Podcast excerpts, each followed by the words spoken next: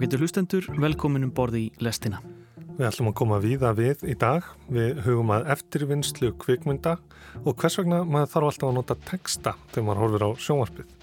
Hagfræði og hamingja eru líka aftur á dagskrá og svo breyðum okkur í ímis hlutverki í spunaspilinu Dungeons and Dragons leikur í bíómyndum hann var mjög mikið gaggrindur þótti svona þú veist að fólk var að tala of skýrt og þetta var svona leikhúsleikur.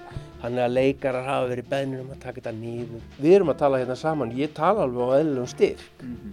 við erum ekki í þessum hérna sko en svona eru menn látni að gera bíómyndir alveg svona Við reynum eins vel og við getum að taka réttar ákvarðanar réttar ákvarðanir í þeim skilningi að það ger okkur hamingjusum eða láta okkur líða eins og við séum á réttri braut í lífinu auðvitað tekst þetta ekkert alltaf. Maður er eitthvað svona gjössalmann nakin, þakin einhverju gukki úr hellinga af róttum og blóði og er bara eitthvað engir guðir, engir herrar. Ég heiti Jóhannes Ólafsson og ég heiti Snorri Raffn Hallsson. Þetta er lestinn þriðjudaginn 21. februar.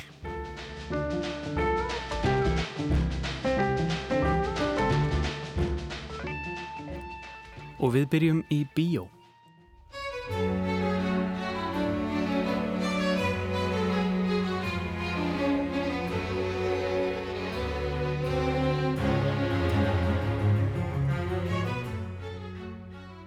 Þegar söður kóreska kvikmyndin Parasite hlaut Golden Globe velun sem besta myndin á erlendu tungumáli árið 2020 helt leikstjórin Bong Joon-ho þakkaræðu með aðstóð Tulks og sagði þetta 그 자막, 서브타이틀의 장벽을 장벽도 아니죠. 한 1인치 정도 되는 그 장벽을 뛰어넘으면 여러분들이 훨씬 더 많은 영화를 즐길 수 있습니다. 네. Once you overcome the one inch tall barrier of subtitles, you will be introduced to so many more amazing films. Þegar maður yfirstígur hérna um það byl 30 cm háu hindrun sem skjá tekstin er, kynnist maður svo ótrúlega mörgum nýjum kvikmyndum. Já, það eru svo miklir töfrar í kvikmyndum á tungumálum sem fólk skilur ekki eða bara nennir að lesa tekstan og þótt sáteksti sé til þess að áhörundur skilji erlend tungumál þá hefur verið ákveðin þróun í gangi undanfarin ár. Að kvikmyndir og sjónvastættir eru tekstaðir í meira mæli. Það er svo margt sem þarf að komast til skila, umhverjusljóð, tónlist og mikilvæg samtöl og stundum einfallega heyri maður ekki hvað sagt er.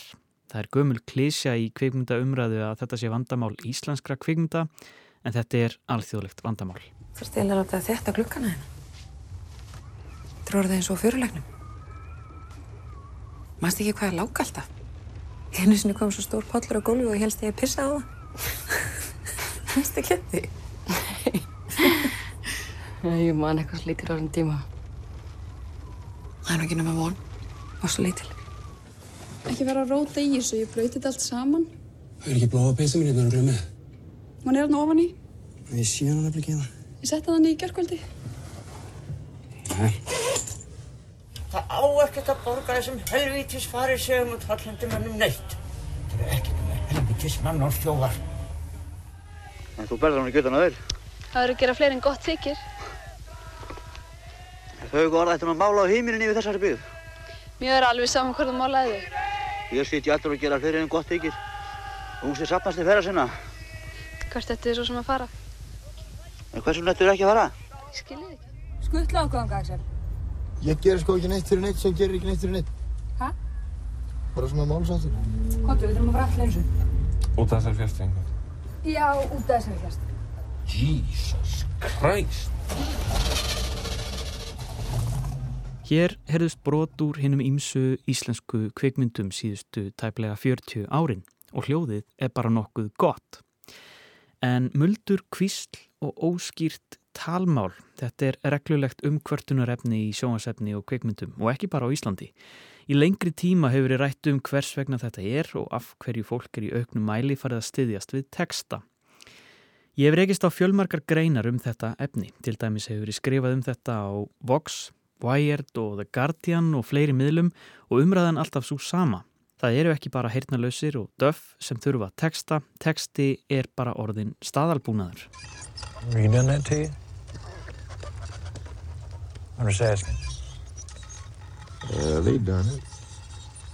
They took their sweet time with it too. The start, I didn't feel nothing. I just heard the sound of knives scraping against my skull. You know. En er hljóð í kvikmyndum og sjónvarpi orðið svo mikil klessa að fólk þarf að lesa sjónvarpi sitt? Ég fór á heimsótti mann sem veit sitt hvað um hljóð upptöku og hljóð blöndun í kvikmyndum og rætti við hann um þetta. Ég heiti Gunnar Árnarsson, hljóðmaður og hef bara unnið sem slíkur síðan, síðan ég var um tvítugt.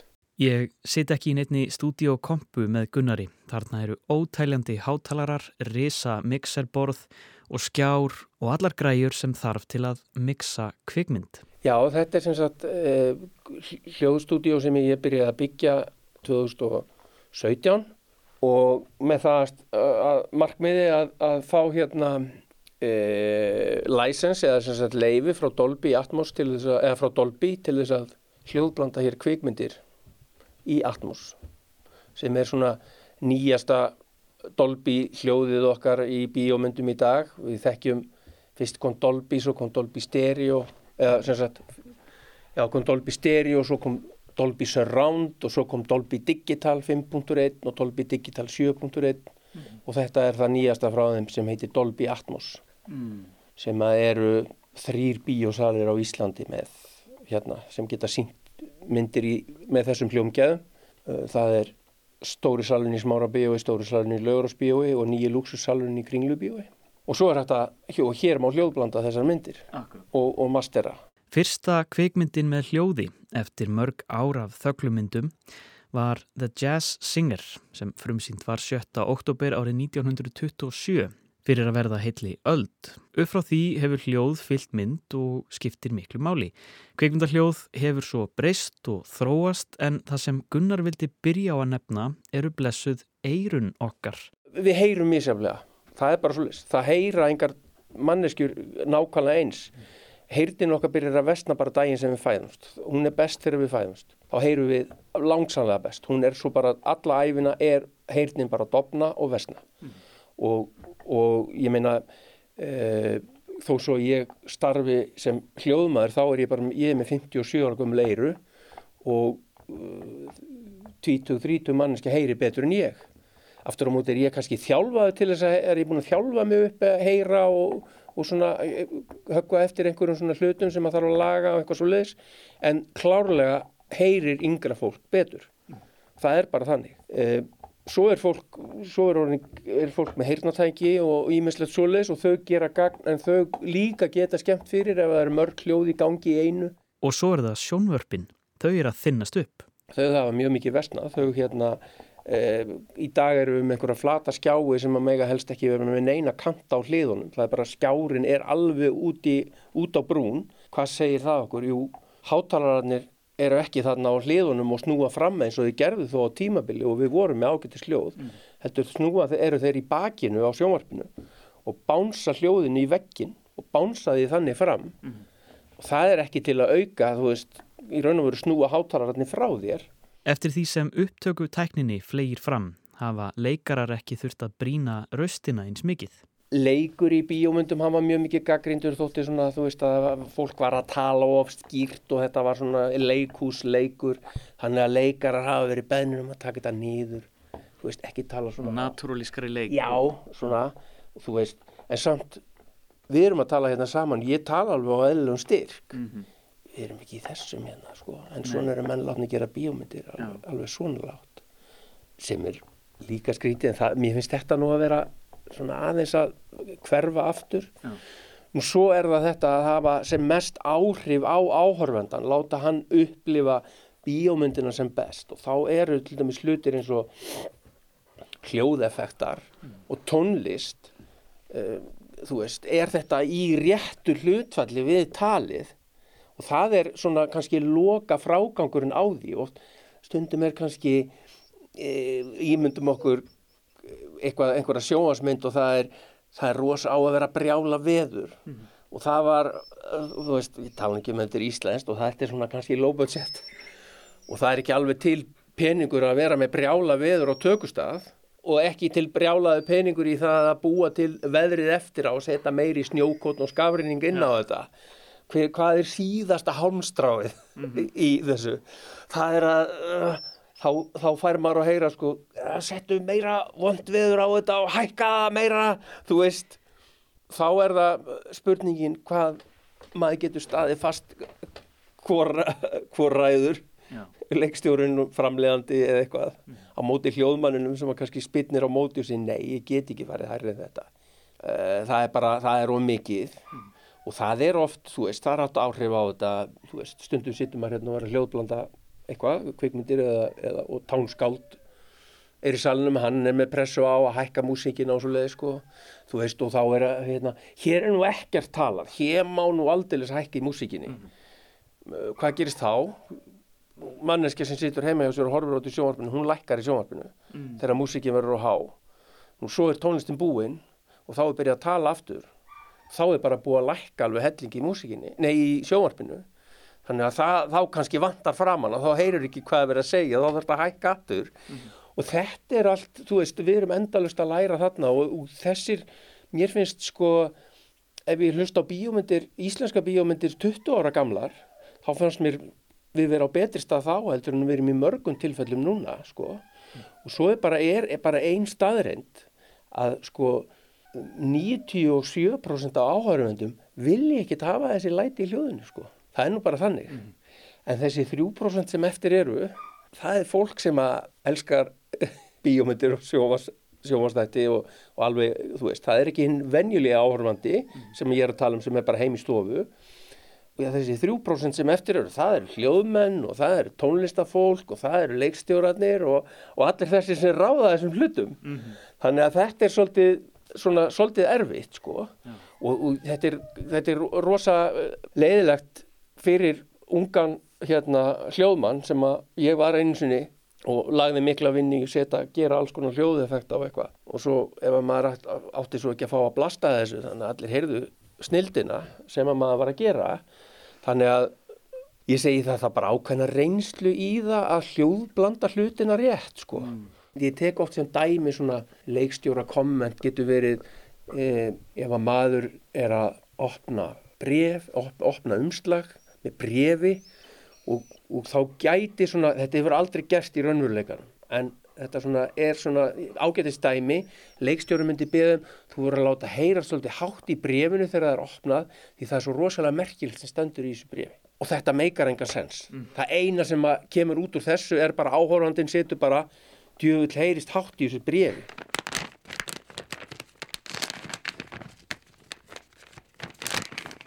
En sko, ef maður fer aftur í tíman þá, þá var tæknin öðruvísi og leikurinn var öðruvísi að því að tæknin var öðruvísi þannig að þetta eru sko, og svo eru margir að bítast um að koma stað á öllum þessum hljóðrásum þannig að þetta er í rauninni sambland af rosa mörgum þáttum sem að hafa einhvern veginn þróast samhliða og nú erum við eh, svona eh, já, við erum að koma svolítið mörgu að Já. hvað, ef maður fer í bíó, hvað er margar hljóðrási sem að, sem að dembast yfir mann svona alla jafna?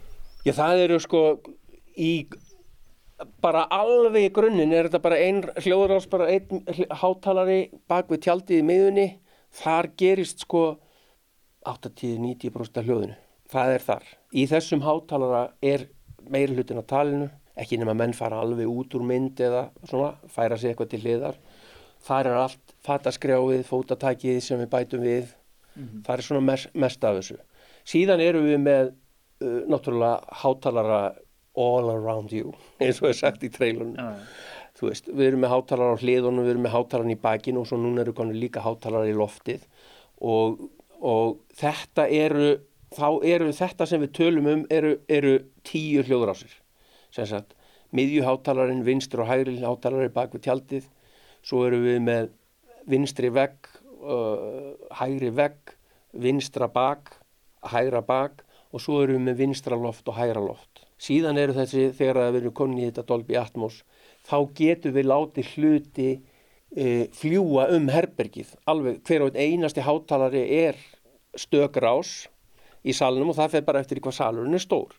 Eins og í þessum sal hjá mér, sem er 55 fermetrar, eru, eru hérna 32 surround hátalarar eða umhverfis hátalarar þar sem að hljóðið flakkar um ef þetta væri bíósalur þá væru þeir daldi mikið, daldi mikið færri. Þeir væru uh, 20 eitthvað svo leiðis en að því þetta er, þetta er já 20, þeir væru 18 kannski. En að því þetta er hljóðstúdíu þá þarf að vera fleira. Ég er til dæmis með aðeins fleiri hátalara heldur en luxussalurinn í, í hérna í, í sambíónum upp í kringlu nýji salurinn sko. En það er bara út af því að ég þarf að gera það að því þetta er hljóðstúdíu hvað rásirnar eru margar það fer eftir í hvað salurinn er stór eða hvað þetta kemur frá úr mörgum hátulur þannig að það er erfitt að segja það. Mm. en ég get verið með í svona Dolby Atmos mynd þá get ég verið með þessa tíu tíu svo kallaða betta eða eins og ég, sem ég taldi upp á það pluss það að ég get látið hundrað og átján mismunandi hljóð flakka um allt herbergið. Þegar að þetta er síðan uh, svona smættað niður Já. og það þarf að koma þessu í sjónvarpið eins og þú nefndir aðan sjónvarpun er orðin þunn, þau eru bara eiginlega jafn, þunn og símandan okkar. Uh, hljóðinu er varpað frá sjónvarpinu út í vegg og tilbaka. Og svo erum við jafnvel að horfa á sko, sjónvarstætti og bíómyndir í símónum Mhm. hvað gerist þegar, þegar þessu er öllu einhvern veginn pakkað niður í, í litlu tækin? Já, það, þar hafa til dæmis, uh, þar hafa þeir nú verið mjög framalega Dolby í að hanna þetta. þetta. Þeir eru alltaf að búa til eitthvað sem að e, virkar allstaðar. Að það sé svona compatible upp úr og niður úr. Mm. Sagt, við, við, við vinnum einhver staðar efst uppi eins og núna í Dolby Atmos. Það er bara búnaði frá þeim sem að downmixar það nýri 7,1 og 5,1 bara gerir það real time og svo get ég downmixað 5,1 niður í stereo líka þeir búa til, þeir eru með þessa þeir eru með búnaðin í það þannig að þetta á að geta spilast allstaðar sko. en það þarf alltaf að maður þarf að hlusta og tekka og vera viss um að þetta sé alltaf virka En aftur að talinu í sjónvarpi og bíó. Þegar að leikarar eru komnir djúft ofan í karakterinn og er í nánum samskiptum í dramatískri senu er stundum kvíslað. Hvað veldur þessu? Hvernig væri til dæmis hefðbundin inn í sena, samtal nokkur að manneskja tekin upp? Það eru svona tveir, kannski eitt til tveir hljóðnumar á priki sem að menn halda yfir fólkinu sem að eins stundum með víður rammi þá kemst ekki með þann hljóðnuma nálátt og svo er yfirleitt að hver einasti karakter er með sinn hljóðnuma falinn inn á sér sem að býr til fataskrjá og alls konar skilur við, það er eh, þetta bara byrja maður bara á að hreinsa eins og maður getur þú veist, og, og ég meina þú ert ekki alltaf í einhverju fullkomnu fínu stúdiói þú getur bara verið í einhverju, einhverju flottri íbúð sem hendar rosalega vel fyrir þessa kvikmynd. Og, og af öllum stöðum er hún í skerjafyrinum við hliðin á flugullinum og, og þú veist, og það koma alls konar vandamál. Og það er í fyrsta lagi þá byrja maður að reyna að hreinsa upp eins og maður getur. Þú veist, hreinsa allan bakgrunn og allt saman sem maður legur inn á hljóðnumana líka til þess að hafa bara talið sem, best. Og það er það sem er lögð áhersla á mest þegar að vera að taka upp bíómynd. Það er bara aðal áherslan er lögð á að taka upp gott tal. Og hérna ef að það gengur ítla ef þú nærið ekki að hreinsa alveg upp eða það er ennþá einhverjar skemmtir þá getur þú leitað í aðrar tökur kannski. Mm. aðtóa hvort þú eigir eitthvað til sem getur passað í staðan fyrir það sem er notað þrautalendingin er að fá inn leikarinn aftur og láta hann leika þetta aftur það er bara, það er alltaf í bóði sko. Þetta kallast í kveikmyndabransanum ADR, Automated Dialogue Replacement, þegar hljóð er tekið upp eftir á. það bara funkar þannig þegar, þegar það er búið að klippa myndina ég er búin að fara svona fyrstu yfirferð í gegnum talið uh, og meta það svona hvort að það sé eitthvað sem tæknilega þarf að gera aftur uh, að þá er sagt gert ADR þá er sagt leikarinn kallaður inn og hann fyrir bara inn í mjög verndað umhverfi svona klefa og þar spila ég fyrir hann setninguna og hann hermir eftir henni, gerir hann bara nákvæmlega eins. Og það þarf, að, það þarf allt að passa. Það þarf að vera sama sami krafturinn í röddinni. Það þarf að vera sama hvað maður að segja, sama tónhæðin. Mm. Þú getur verið, þú getur verið dýpur á mótnan en svo getur verið aðeins hærra á kvöldin. Það er ekki sama hvort hann gerir þetta þarna eða hérna það, við þurfum að elda það líka. Það að, og, og, já, og styrkurinn á röddinni og allt það. Uh, til þess að þetta fitt alveg inn í og þú takir ekki eftir þessu. Já. og hérna fólk svona uh, hnýtir í það ef að, ef að það sér að myndin hafi verið mikið döbbu þá er það, það eru mjög algengar aðtúasemtir sko. og svo þarf maður að taka, svo þarf ég að taka þetta hljóð sem er tekið inn í mjög vernduð umhverfin í klefa hjá mér ég þarf að búa til uh, láta það hljóma og renna vel með hljóðinu sem að tekið á tökustæði sem er í allt öru herbyrgi sem að, þú veist, ég þarf að setja uh, setja svona smá bergmál á, á talið og allt saman og ég má ekki láta það sánda bara rosalega vel eins og eins og einhverju auglýsingu sem er tekin inn hjá mér Já. og því að þá tapar bara raunveruleikanum og ég meina, maður hefur séð það að stundum er díalóg, að talið það er hafðist svo geðveikt sánd á talinu það er alveg geðveikt en það kannski hendar vel í einhverju auglýsingu eða eitthvað svoleiðis Já. en ef þú ætlar að trúa því að þessi manneskja sé að tala á tjaldinu við þessar aðstæður Mm. að þá þýðir ekkit að vera með einhvern svaka svaka drunur í hljóðinu sem að þá bara hættir áhrundin að kaupa hlutin sko. og þannig að þessir maður er ekkit, þessi manneskja er ekkit að tala um. Og það getur, það getur eðilagt eða skemmt rosalega mikið fyrir upplifun og bíómynd. Ef þú finnur að það er rosalega hljóðvinnsli í gangi og rosalega mikið sánd og, og það, kannski, það er kannski bara tveir, þrýr kartmenn í myndinni sem að hljóma alveg drinjandi vel og, og svo er kannski einhverjir aðrir karakterar sem er ekki með þessa svona, eins og maður kalla svona radio voice. Þá eru þeir bara svona eins og rindlar við hliðin á þeim að tala sko. þetta bara skekkir allt saman og, og bara áhörandi kaupir þetta ekkert sko. Ég heyri það alveg að það eru ótal ástæður fyrir þessu, bæði, bæði sko frá þeim sem hlustar uh, eirun í honum og svo uh, alltaf á bakvið uh, hérna, bæði, bæði bara í upptökuferlinu og síðan mixingferlinu og, og en sko hvað þetta, þetta, er, þetta er ekki sko íslenskt vandamál. Þetta er virðist vera bara út um allt. Hver er lausnin? Hvernig sko þegar að fólk er að kvarta yfir því að ég heyr ekkert hvað er verið sagt í þessari mynd hvað myndið þú segja við því? Fyrsta lagi myndi ég nú segja láttu þið hafa það og hækkaðu. Það er ekki eðlega, sumt fólk bara hlusta rosalega látt á sjónvarp og, svona, og það hlusta bara þannig á fréttir og allt, það er allt í góðu því að í fréttunum er bara yfirleitt ein manneski að tala. Það er ekkit búið að setja bæta við fótatæki á hana og, og fataskrjáfi og, og einhverju herbergistón og, bílar að keira í kring og eitthvað svona.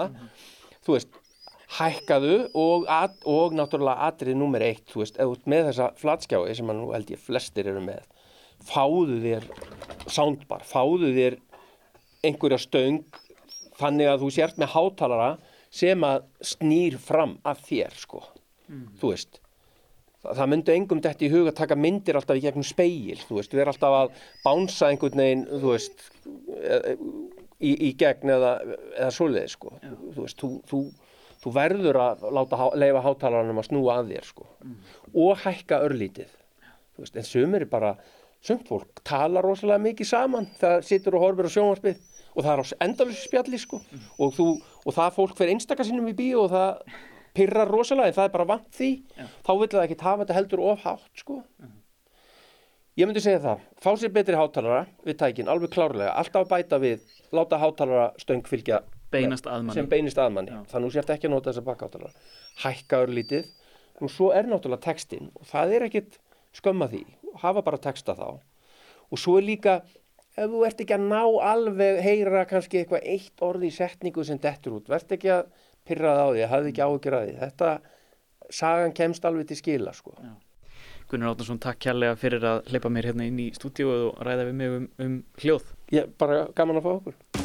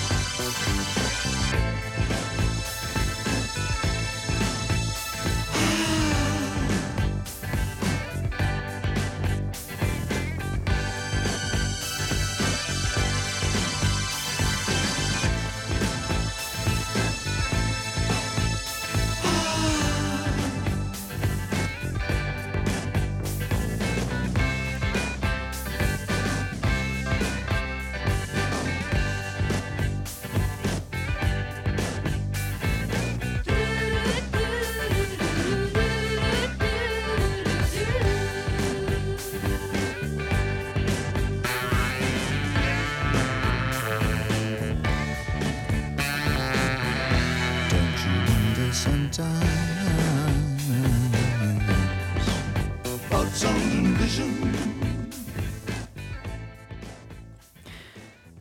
and Vision, lag David Bowie af plutunni Low, hljóð og mynd. En þá heyrum við síðar epistil Guðrunar Svavastóttur um hagfræði og hamingju. Í gær veldum því fyrir sér hvað skiptir okkur máli og af hverju við gerum það sem við gerum. Svar hagfræðinar er að við séum öll nýtja hámarkandi einstaklingar. En Guðrún skild okkur líka eftir með fjölmarkar spurningar. Er við bara einstaklingar að hámarka í nýtjar? Hvernig tengist annað fólk inn í þetta? Hvernig berja sama nýtjar mínar og nýtjar þínar? Skiptja nýtjar sumra meira mál en annara? Og hvernig spila siðferðisvitundin inn í þetta? Eru réttlæti og sangirni mælanlega á nýtjamæli hverðanum? Er hægt að fella allt inn í nýtjafall einstaklinga? Hvernig tökum við ákvarðanir sem samfélag ef við erum bara öll litlar nýtja hámarkandi einingar?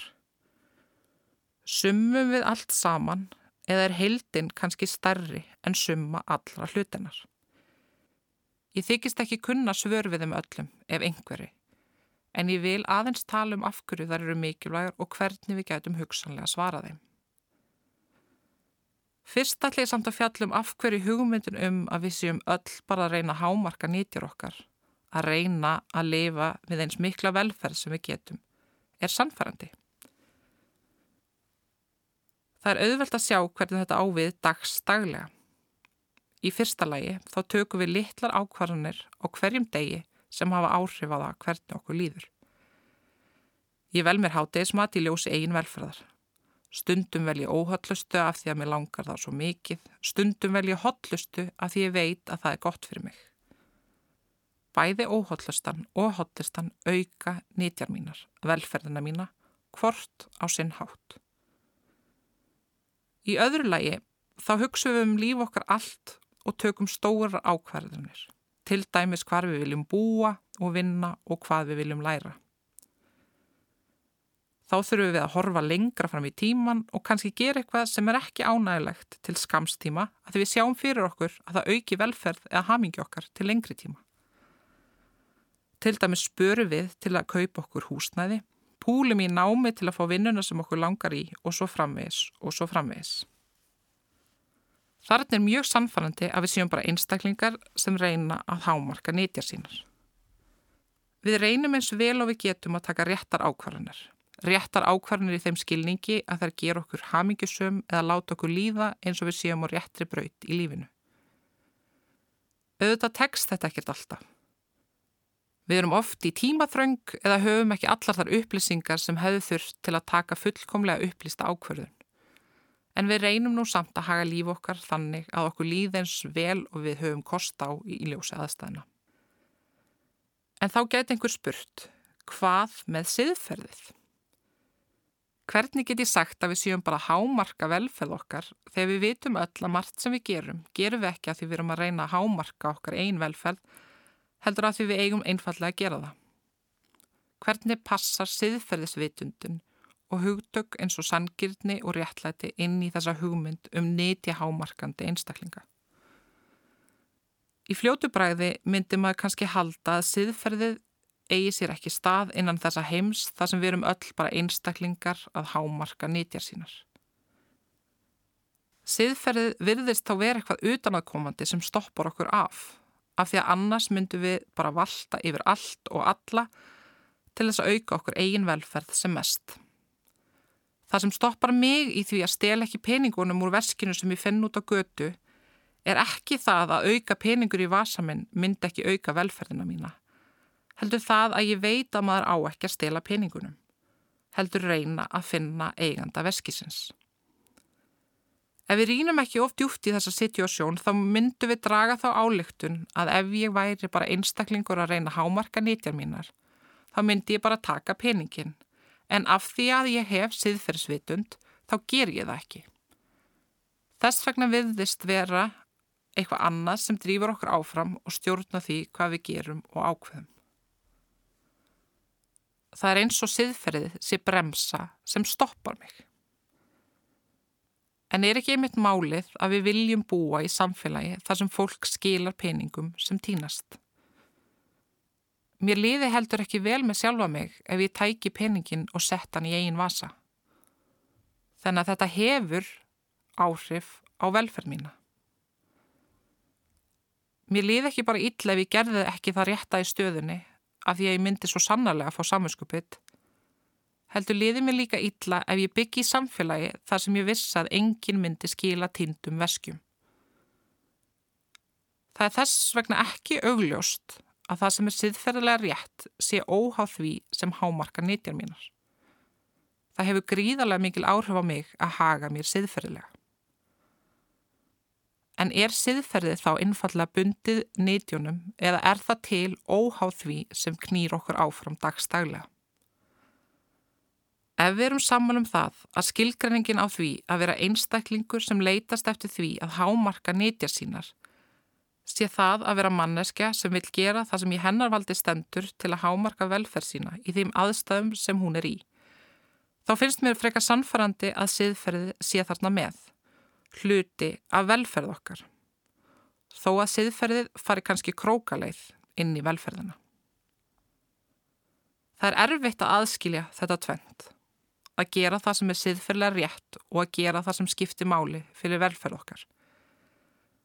Það liggur eiginlega í augum uppi að ef siðferði skiptur okkur máli þá er það hluti af velferð okkar.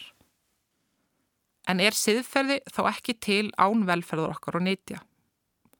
Eða er það líka til óháð því hvernig áhrif það hefur á hamingi okkar?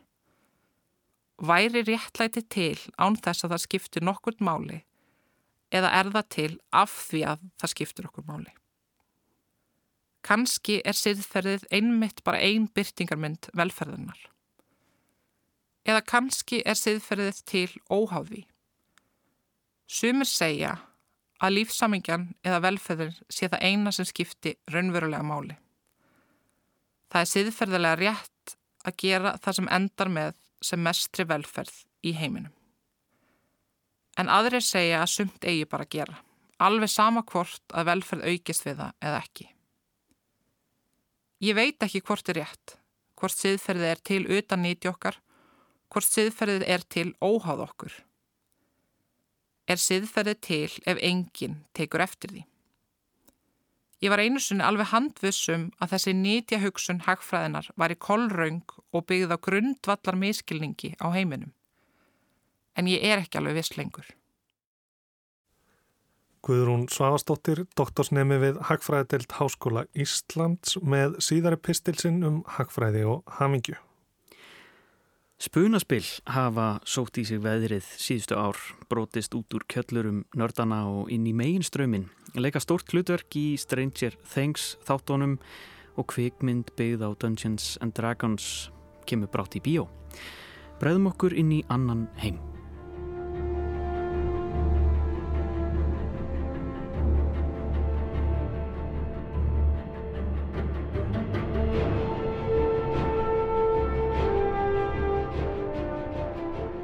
Ég heiti Ólega Björn Tómasson og í nafni þess að við getum klárlega valið hvers konar uh, hetja við viljum vera þá myndi ég tilla mig sem svaðilfara og elskuða. Ég held að, já, uppáhaldspersonu mín er klárlega hálvorkabarbarinn Nevill Stormborinn. Uh, sá er reytist gegn guðum og mönnum jæmt. Þú ert að vísa í spunaspill. Hvað eru spunaspill? Þetta, þetta er að hluta til svona sameili frásög sem er stutt við með einhverju regluverki og fer það algjörlega eftir í hvaða kerfi þú ert að nota hvaða reglur stuðst við. Það getur verið eitthvað eins og frá fría líka sem er mjög létt kerfi. Um, þú ert bara með eitthvað sexliða tening og einhverja fjóra mismöndi statsa. Uh, síðan er þetta að fara yfir eitthvað aðeins floknara eins og hérna D&D eða þá Pathfinder. D&D, það er Dungeons and Dragons, ekki satt? Mikið rétt. Í dag það er það alveg langvinnslasta uh, hlutverka að spila kerfið sem að stendil bóða. Um, það er að hluta til bara út af því að þú veist, bara í, í nördakúltúr það hefur D&D ákveðin áru og er búið að vera til staðar í já, næstuð í 50 ár og svona líka vinsalasti söguheimurinn í því er búin að vera til með þess að fyrir það það er byrjað að skrifa sko hvað, 60 eitthvað á hennum Ed Greenwood tala um Forgotten Realms og eitthvað Já, hvað er þessi glemda vitt eða Forgotten Realm? Þetta er uh, svona eiginlega hinn staðalega svona fantasíu heimur um, þú veist, þú ert með mörg lönd sko en á senst árum þá aðalega búið að vera að skoða sverðaströndina. Uh, hún rennur nú alveg frá held ég hvað grínest og upp til sverðafjallana sko og jafnilega aðeins norður en það. Um, já, ég er sjálfur í æfintýri sem að gerist hérna í, í hérna glemdu vitinni eða glemdu álmunni og, og gerist í svona innanlandshafi hann kallast hérna uh, haffallina stjarnar Já, hvernig, hvernig saga er það sem þið eru að spila og hvaða personur komaðu sögu? Sko, við erum uh, áhöfn á skipinu Sætísinni og hérna erum að, í raun og veru bara svona skoða daldi personar og sögur þeirra frekar en að sé eitthvað svona eh, eitt stórt ílvirki sem að það er að fella um, það er búið að vera einhvern veginn að lauma því að, að mögulega séu rauðu vitganir í þeir eitthvað að, að grúskast til og að starta einhverju vesinni. Eh, aðalega er ég bara að taka mjög varhugaverðar ákvörðanir sem eh, klerkur ilmadir sem heitir Saros.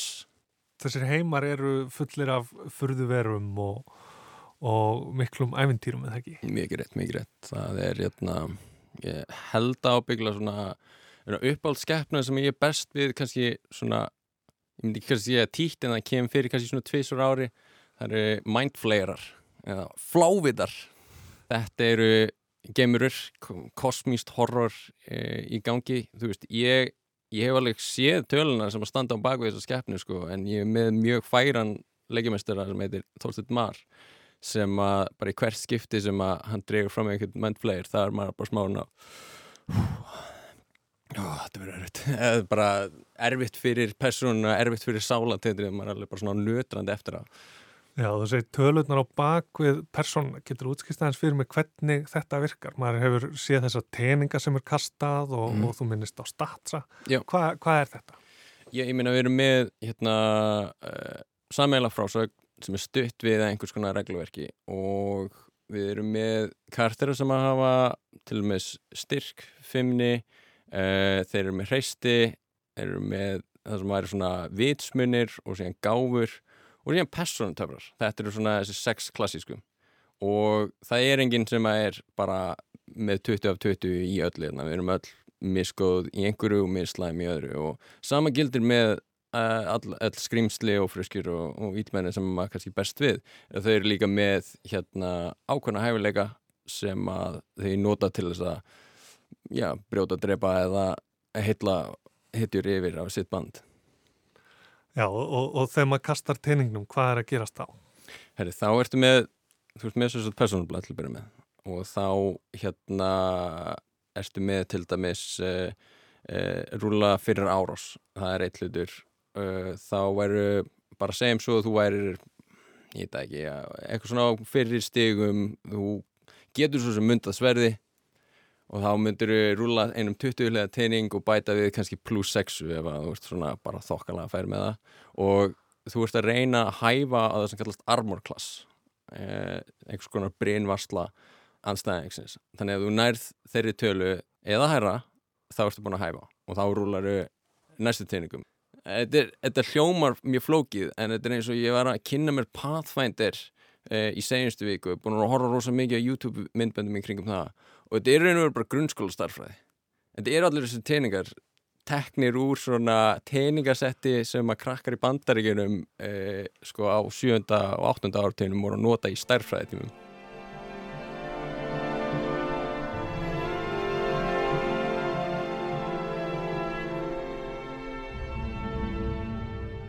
Ég hef drefið Guð Og hvernig gekk það fyrir sig? Uh, herðu, það gekk bara þokkanlega vel fyrir sig Þetta var svo að í ævintýri sem að gerðist á svona eigu sem er tím, tíma á stað. En hún er á stað því hún er eiga. Ég, hérna, ég hef búin að vera að spila sem hálfvorka barbarinn Nevill Stórnborinn sem var bara mjög nýhiliskur en samt svona í rosalegri sáttu það bara ekkert skiptu máli engin guðir, engin herrar bara það er það var hans ethos og við höfum verið hérna að berjastu rosalega mikið að einhverjum rottumönnum sem að voru þó með einhverja verkfræðilega kunnáttu, voru eitthvað með byssur og, og lætið sem kom rosalega óvart. En við náðum einhvern veginn að finna æðsta hófið hjá rottukonungnum Sakurað og ég náði einhvern veginn að granta lokahöggi á uh, þennan rottuguð maður var eitthvað svona gjössalma nakin, þakin einhverju gukki úr hellinga af rottum og blóði og er bara eitthvað engir guðir, engir herrar Einmitt, uh, það er hægt að gera hvað sem er Já. í þessu Já. Þarf það að vera svona fantasía með guðum og rottumönnum eða, eða hvaða sögursvið eru í bóði? Nei, þetta er eins og fría líka sem eru hérna, uh, þeir eru held ég í Svíþjóð þeir eru með til Tales from the Loop og Tales from the Flood sem er rosa svona mikill hérna, fílingar að þeir eru bara einhverju krakkar sem eru að ráfa um uh, í Svíþjóð og það er svona búið að einhvern veginn tækni með allt, þannig að það eru vélmenni eru, eru bara hluti af þessu og þetta er einhvern veginn hérna in the 80's that never happened. Þannig að þú ert bara eitthvað svona krakki að ráfa um í einhverju svona 80's uh, ævintýramynd og þú getur þannig sé ekki bara einhvern veginn tekið bissu og skotið í gegnum allt sko. En þú veist, þú getur alveg verið ég veit það ekki, með vesen og kannski átt kveikjara og stúli síkó frá mömmuðinni og eitthvað og þú getur líka verið bara svona bókanörd þú vilt vera það Þannig að Um, mann hefur alltaf dreymt um að vera sænskur pappastrákur 80s sem aldrei verður til, þá eru hlutverkarspil leiðin til að raungera þessa drauma. algjörlega þú veist, það er bara, eða langar að spila sem eitthvað, þá getur þú spila sem það Hvað er það sem að heillar svona við þessi hlutverkarspil, spunaspil? Það sé ekki eitthvað svona þessi sameigla frásögn sem við erum öll að taka þátt í. Þetta er svona eins og stóðlasturinn eða sitja við varðeldin hef ég segið einhverja kanatanum sko. sitja við varðeldin og, og skiptast á sögum. Nema það er kannski ekki bara einhver eitt sem að ræður förinni. Ef þú ert til og meins leikimeistur þá ert í raun og veru bara að setja upp sviðsmyndina og, og koma með aukapersonunar en uh, spilarnar við borðið þau eru að koma með sitt input í þetta Akkurat, akkurat. Uh, spunaspilin eru líka farin að færa sig yfir á aðra miðla. Þetta er ekki bara fólk að spila í kjallarunum eins og í Stranger Things. Það eru líka komin svona hlaðvörp þar sem fólk hlustar á aðra spila. Já, actual play þú veist, það er til og meins critical role er með alveg bara bara með blockbuster success svona þessu sviði, þar sem að er miljónir manna bara að fylgjast með bara fólki við reyndar aðeins flottar að borð en það er samt að spila sama leik Er fólk að hlusta bara því að þeim finnst þetta skemmtilega personur sem hafa verið skapaðar eða er það til að fá hugmyndir fyrir eigin spil? Hvernig er það? það er raun og verið að sitja við borðið og fá að vera með og, og lifi gegnum þetta en það er til og meins critical role með alveg bara gríðarlega ákafa að hópa bak við sig Eh, þeir búin að, þeir voru til dæmis að hérna uh, með Kickstarter fyrir teiknmyndaserju byggðum á æfintýrum uh, þeirra hetja. Og þú veist, við erum að tala um bara einhverja fára mínundur það þetta var komið. Bara heil sjónvarserja bara komið á augnabliki og það er svona þannig sem að líka að fólk lifi sér rosa mikið í gegnum það getur speiklað sig við þessar ymsu personur ég meina þetta eru bara eitthvað svona já já, í grunninn er þetta ekki típur en það er yrðing þeirra sem er kannski svona skiptið meira máli Svo er að koma Dungeons and Dragons bíómynd. Mhm. Hvernig, hvernig óskupunum ætlaði að fara að því að taka opin heim þar sem að þú ert ekki bara áhorfandi heldur eftir þáttakandi og þú skapar það Mhm. og setja það í svona línulega frásögn á kvítatjaldinu. Já, þetta aldrei eins og að síða svona aftur fyrr ég sá reynda að var að koma út einn sena bara held ég í gær þar sem að hérna það er eitthvað sena þar sem að er að nota speak with the dead galdurinn þar sem þú mátt ekki að spyrja fimm spurningar sko og þetta var svona, þetta var raun og veru bara svona gög gokkes skett sko sem var hana hjá þeim. Sem ég fannst alveg að vera ágætt en um, ég veit það ekki, þetta er kannski verður þetta bara eitthvað svona hýrostjörn í dæmi. Ég, ég hef heyrt að þið vilja nota þetta sem svona stökkpall að einhverjum sjónmástáttum fyrir hérna Dungeons and Dragons. Já, og svo náttúrulega leiðir það kannski til þess að fleiri fara að spila. Uh, Já, já sko hérna Dungeons and Dragons sjálft hugverkið, það er í eigu Wizards of the Coast og hérna, Wizards of the Coast eða svona klúðraði þetta aldrei harkalega um daginn. Þannig eru reynda búin að missa þó nokkuð af spilunum. Uh, þú veist, mikið af því sem að einhvern veginn ólaf sér vinsaldir spilsins snerist um það að þú gæst tekið regluverkið og þú gæst búið til sko þitt eigið sjálfstæða dæmi og síðan selta jafnvel bara áfram. Eitthvað svona gefið það að þú myndir ekki nota veist, bókstálega uh, þennan mindflayer sem er í þessari tilteknum bók heldur bara að þú getur notað svolítið svona uh, bara einhvern veginn uh, personablaði sem fylgir með þeir regluverk sem fylgir þig en það lag út þess að skál að hérna, þið ætlaði að reyna einhvern veginn að hefta það og taka út eitthvað svona sjálfstæða útgefundur þannig ég var rosa spenntu fyrir þessari kvikmynd. Þar til bara einhvern veginn maður sá hversu heiftileg græðkinn var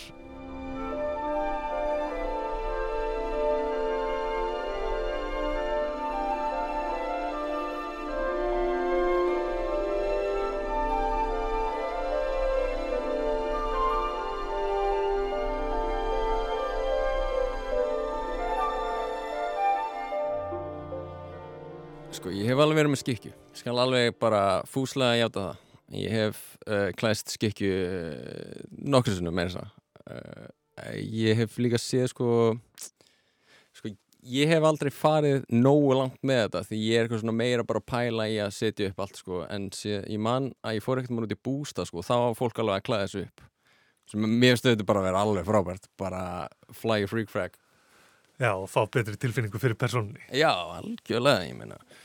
Algjörlega. Uh, þú hefur líka verið að stýra svona leikjum með ungmennum, ekki satt? Jú, uh, ég var sérst, í félagsmyndstöðin í Garðalendi uh, með Nördaklubin og eitt liður í því var að spila Dungeons and Dragons sem að hérna já, já, mér fannst það svona að tók smá tíma einhvern veginn að finna út hvað virkaði en um leið og einhvern veginn það var komið í stein sko þá var þetta hægur leikur.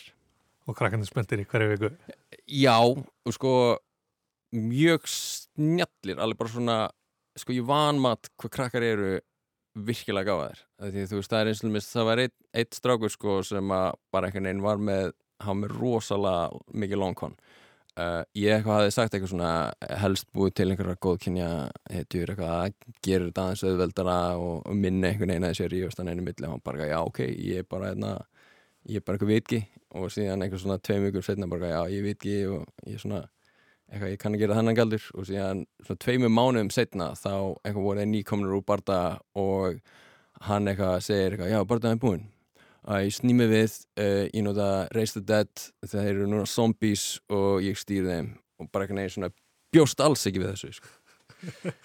Einmitt, og, og réðu krakkarnir við uppvakningana Já, ég minna sérstaklega þessi einu sem að reistu það frá döðum hann var orðin meistari þeirra og þetta var svona á þeim tímpunktin það sem ég var bara að, vistu, ég held að við verðum bara að sjá hvað gerist þessi, þessi krakki veit eitthvað meira Einmitt, en þú ert með dórandagina fyrir fram að þig, teninga mm. og blöð. Já. getur við prófað að búa til personu og, og, og fá kannski svona nasa þegar af hvernig svona ævindýri fer á stað? Algjörlega. Hérna Ertu með eitthvað karakter í huga? Getur verið vampýra? Þú getur verið hálfvampýra Já, það er nóg. Innan þeirra regla sem ég er með fyrir frá mig. Það er nóg. Ok, Heru, það er ekki ekki Ég, ég hef reyndin einu svona spilað sem sko hálfvampýr paladin og hans helsta verkefni var sko að reyna að finna einhvern veginn leið til þess að lækna sig af vampyrisma áður en að vinur hans og meðrittarar myndi elda hann uppi. Þannig bara um að gera. Við skulum þá bara byrja því að velja hérna du, du, du. hérna við skulum bara taka þetta alveg í grunninn því að þú veist einhvern veginn verða vampyrir til. Þannig gefa okkur það að þú hafi verið mennsku til að byrja með. Já. Ok uh, Það tók okkur um það byrj tíu mínútur að setja saman personu á staðinum en margir leggja meiri vinnu í það semja baksögu og móta personu sína út frá henni. Möguleikarnir eru endalausir. Viltu vera dvergur, viltu vera galdramaður, viltu berjast, viltu vera seðkarl. Og það þarf að skilgrana hvaða tungumál personan talar, hvaða trúarbröðun hefur, Hverjir eru styrkleikar hennar, hæfileikar og hlutverk? Það má líka láta lukkuna stýra þessum eiginleikum, kasta teining upp á hvað Guð hefur gefið manni og úr hverju maður hefur að spila. Allt hefur það áhrif á söguna sem verður til. Úr okkar spjalli var til hálf vampýran, hálf maðurinn, ég veit ekki alveg hvernig þetta virkar, ég er bara byrjandi, Jonni Bain. Fyrir um hyrð meðlimur af aðalsætt sem getur talað við drega. Hann er íllur en fer að lögum og lögumálum, hans helsta vopn vikt hennurnar að sjálfsögðu. Eftir að hafa búið til persónuna var ég tilbúin að fara stað í æfintýri.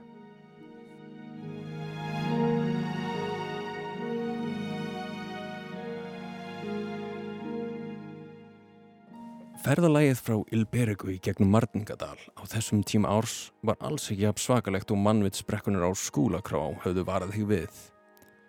Fjöllin byrja ekki að breyða úr sér fyrir um hávor og vissulega varstu varfið nokkra ugglubeitni að vakna úr hýði sínu en svo lengi sem þú hafðir eitt auga á hrjónaskarstind hafður norður átt og sér hvert manns, álfa og dvergabann veit að ugglubeitnir eru bestu skinn sem ger engum voða.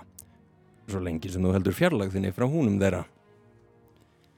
Í nokkura kílometra fjarlægð tekur eftir henni viðfrægu silfur á ljóstru upp morgunin. Bærin spónarglæta er þar í grend og þrátt fyrir að vera ekki ekki stór en hættið nóg að gera fyrir málalið og svaðelfara sem reyka þar í gegn. Þú fer að sjá senustu óskastíga úr Martningadald kemur skindilega yfir þig hrollur og nýstandi köld þoka leggst yfir dalin allt um kring. Hættir að geta reytt sig á skilningarvitin í góðri trú. Þú heyri megnu að drunu í fjaska síðan vindkviðu sem geysir yfir þig með slíkum krafti að þú þeitist í hlýðina. Þokunni léttir þó skamt. Þú heyrir þungbært þram nálgast. Ákafur andadráttur, urr og púst. Hjarta tekur kipp þar sem útlínur skuggaverunar skýrast. Orkinn er tveir metrar á hæð, ævareiður og ég valla meira en 30 skrefa fjarlagð. Hvað viltu gera?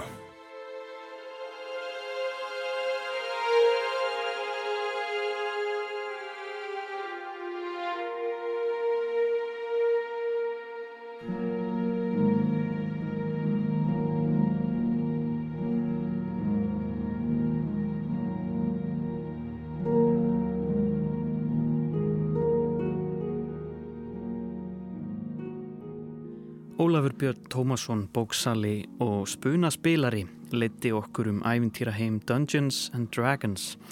Tónlistinn var eftir Jeremy Soule og fengin úr leikjónum Oblivion og Skyrim úr Elder Scrolls æfintýra leikja röðinni.